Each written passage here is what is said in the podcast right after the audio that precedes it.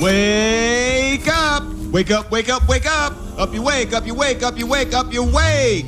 This is Mr. Senior Love Daddy, your voice of choice. The color for today is black. That's right, black. So you can absorb some of these rays and save that heat for winter. So you want to get on out there, wear that black, and be involved. Also, today's temperature is going to rise up over 100 degrees, so that's a Jerry Curl alert. Oh!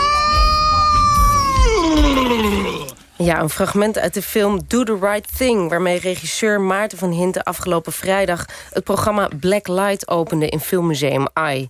Een programma over de zwarte identiteit in de filmgeschiedenis. Hoe heeft die zich ontwikkeld? Maarten van Hinten is hier te gast. Welkom. Ja, hi. Waarom wilde je juist met deze film van Spike Lee het programma openen?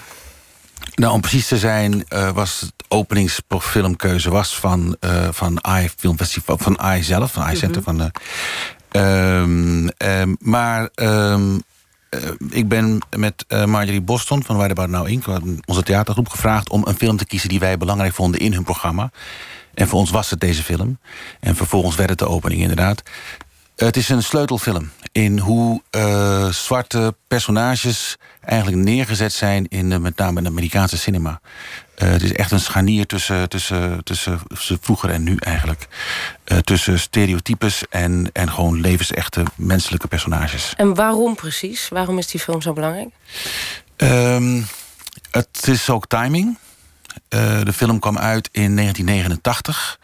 Um, en eigenlijk, uh, dat is één. Twee, de film uh, werd een, een, een hit, maar was een onafhankelijke film. Spike Lee heeft het helemaal zelf geproduceerd, zelf opgezet. Dus buiten het systeem van de Hollywood Studios om.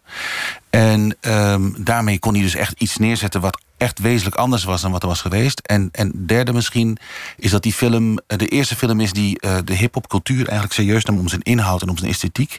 En niet simpelweg als een gimmick of als een vorm. Dus die gebruikte hip-hop om een boodschap te zeggen, over te brengen... Over, uh, ja, over identiteit en ook een politieke boodschap over zwart zijn in Amerika. Ja.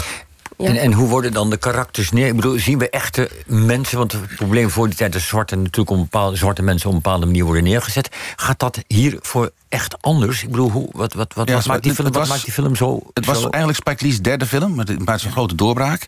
Al zijn films uh, gingen. Zijn eerste film heette She's Gotta Have It. Dat ging gewoon over een aantal uh, personages die in Brooklyn wonen. Een vrouw die, uh, die verschillende vrienden heeft. En die mannen die zijn rivalen. En dat was het verhaal. Um, eigenlijk was zijn expliciete doelstelling was... ik wil gewoon verhalen vertellen over mensen die ik ken... in een omgeving die ik ken. En de mensen die ik ken, en hij komt uit Brooklyn... uit een zwarte wijk in Brooklyn... de mensen die ik ken, die herken ik nooit als ik naar cinema ga. Want, dus, ja, want hoe zag het er voor uit? Kun je ons meenemen uh, in vogelvlucht door die ontwikkeling van uh, Spike Lee is heel bekend. Hoe zag dat filmlandschap eruit voor Spike Lee? Uh, daar hebben we het echt wel over het Amerikaanse filmlandschap. Mm -hmm. Dat zag er eigenlijk uit dat personages... Uh, eigenlijk een, een, zwart personage was alleen in een verhaal aanwezig... als het ook een functie had als zwart personage in het verhaal. Kortom, het verhaal gaat over slavernij... dan hebben we een zwart personage. Um, een bediende is nodig, dan hebben we een zwart personage. criminaliteit in de grote stad hebben we een zwart personage. Dat altijd een concrete, dramatische, dramaturgische functie... als symbool, als icoon en niet als mens. Terwijl er wel al... Uh, uh, je, je had wel zwarte regisseurs, toch? En ook in de jaren twintig zelfs al. Ja, um, dat is uh, uiteraard... die waren zeker in die tijd van Spike Lee een, echt een uitzondering. Die waren er eigenlijk bijna niet. maar in de cinema was ze wel... het is niet zo dat met Spike Lee... Um, eindelijk zwarte regisseurs. In de jaren twintig had je Oscar Michaud. Er zijn films van hem in het festival ook. Die maakte ook gewoon films over zwarte families, zwarte personages. Ook voor een zwart publiek. Uh, dus het, is niet, het was niet nieuw. Het is meer dat het een soort van golfbeweging. En dat is uh, een, van de, een van de dingen van de Amerikaanse, Amerikaanse cinema. Is die is eigenlijk altijd... Uh, het, zwarte personages zijn altijd problematisch geweest in die cinema. Um, de hele Amerikaanse entertainmentindustrie uh, komt voor een groot deel voort uit de traditie van minstrelshows. Uh, blackface shows, waar eigenlijk zwarte, zwarte figuren belachelijk werden gemaakt. Um, dat was een belangrijke vorm, zo niet de belangrijkste van entertainment in Amerika. En daar kwamen films, die had je zo'n revues. En zo'n revue was ook een minuutje even een kort filmpje. Dus dat, dat zat daarin. Um, de belangrijkste blockbuster, zou ik maar zeggen, van de Amerikaanse cinema uh, in 1915. Dus echt de grootste film tot die tijd was van D.W. Griffith, Birth of a Nation. Was een expliciet bijna, uh, uh, bijna, ik wil bijna zeggen, pornografisch-racistische film. Zal maar zeggen. Over Zo, de Amerikaanse burgeroorlog, maar over, eigenlijk een over soort de opkomst, opkomst van de Klein en een promotiefilm voor de Klein... die ook daadwerkelijk ja. de Ku Klein uh, um, opnieuw in Amerika op, op voorgrond heeft gebracht. Die, dus die, die traditie zat, zit in de Amerikaanse cinema. Maar eigenlijk is het zo dat films waarin zwarte mensen voorkomen... worden voor witte mensen gemaakt. Wanneer worden er dan voor het eerst films voor zwarte mensen gemaakt? Is er een moment dat, dat, ze denken, oh ja, dat gaan we doen? Uh, nou ja, Oscar Michaud in de jaren twintig deed het al. Um, um, daarna verdween het, zal maar zeggen, weer. Omdat die markt dan niet interessant was. Maar dat gebeurde weer in de jaren zeventig. Uh, uh, door de civil rights in Amerika trokken witte mensen eigenlijk uit de steden. En de bioscopen stonden in de steden.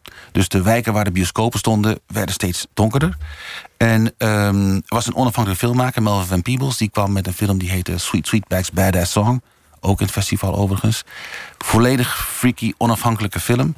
Uh, met bijna geen geld gemaakt. En dat was een gigantische hit. Omdat het in die bioscopen gezien werd door een publiek... die zichzelf herkende in die film. Dus daar is bakken met geld mee verdiend. En daar is Hollywood met uh, twee voeten opgesprongen, zou ik maar zeggen. En dan ontstaat het zogenaamde Blaxploitation Blaxploitation genre. genre. Dus eigenlijk films die gemaakt worden specifiek voor uh, zwarte verhalen... voor een zwart publiek. Um, de eerste Blaxploitation film uh, die dat zo zou kunnen heten eigenlijk. Dus de eerste studiofilm met zo'n zwart verhaal was Shaft. Dat was nog een zwarte regisseur. Maar daarna waren het vaak witte regisseurs. Het waren vaak ja, eigenlijk B-films. Uh, hele, hele platte uh, actiefilms met karikatures in de ghetto, pooier, drugs, funky muziek. Uh, een beetje ook een beetje het mal waar de, de Amerikaanse televisieseries daarna op zijn gebouwd. Dat was dat Blaxploitation. En dat was tien jaar lang zo'n beetje de, het vehikel om geld te halen uit die zwarte gemeenschap van Hollywood. Dus het was puur commercieel en zat verder geen kwaliteitsgedachte achter? Of, Nee, er zat geen kwaliteitsgedachte achter. Maar zoals het zo vaak is met dat soort genrefilms en cultfilms... er zijn ook gewoon mensen die dat doen om geld te verdienen... maar die wel toch iets anders willen doen. Dus er zit altijd wel iets interessants in. Je kan zo net als horrorfilms, je kan zeggen horrorfilms, ja, dat is gewoon. Maar daar zitten ook gewoon films tussen die maar een bepaald soort boodschap in zit. Dat is bij Blaxploitation ook zo. Ja, en sinds Spike Lee is, het, is, is hij het beginpunt. Nou, laat ik het anders formuleren. Dus wat hij zijn inzet kwaliteitsfilms maken van zwarte regisseurs over zwarte, over zwarte mensen.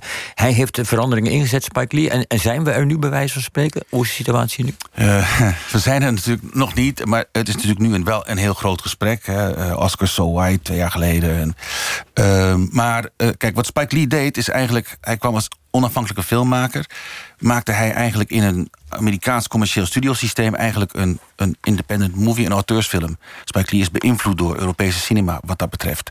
Een film waarin een regisseur zijn eigen stempel, zijn eigen stem drukt op een film en niet in, in de eerste plaats een studio. Dat is wel sterker geworden. In Amerika sowieso. Dus sowieso heeft Spike Lee veel betekenis, is van grote betekenis geweest voor überhaupt de onafhankelijke, de independent movies in Amerika. Niet alleen zwarte films. Dat is een belangrijke verandering. Twee, er is ruimte gekomen voor personages die gewoon driedimensionaal zijn en die zwart zijn. Um, dat heeft hij zeker gedaan. En, en, uh, en drie, hij heeft een, een soort uh, weer een opening gemaakt voor, voor hip-hopcultuur om mainstream te worden. Hij is een onderdeel van dat proces.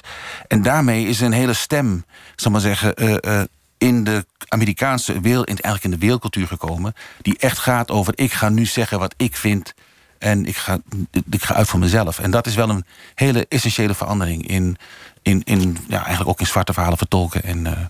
Ja, en daar zijn heel veel mooie films en voorbeelden van te zien tijdens het uh, programma van Black Light. En het hele programma is te vinden op de website van Filmmuseum I. En het loopt nog tot 15 april. Nog ja? klein dingetje. Ja. In, in, dat fest, in, in, Black Light zijn er ook dus heel veel films uit bijvoorbeeld Afrika, uit Europa. Die een heel ander narratief over zwarte personages neerzetten. Dus ga vooral ook dat soort films zien. Van bijvoorbeeld Felix Roy, Amicita de Solato. Om te zien wat dat betekent, wat een stereotypering kan betekenen. Hoe dingen plat kunnen worden geslagen. Terwijl ze eigenlijk al van meter af aan diepte hebben. Goed. Maarten van Hinten, hartelijk dank voor je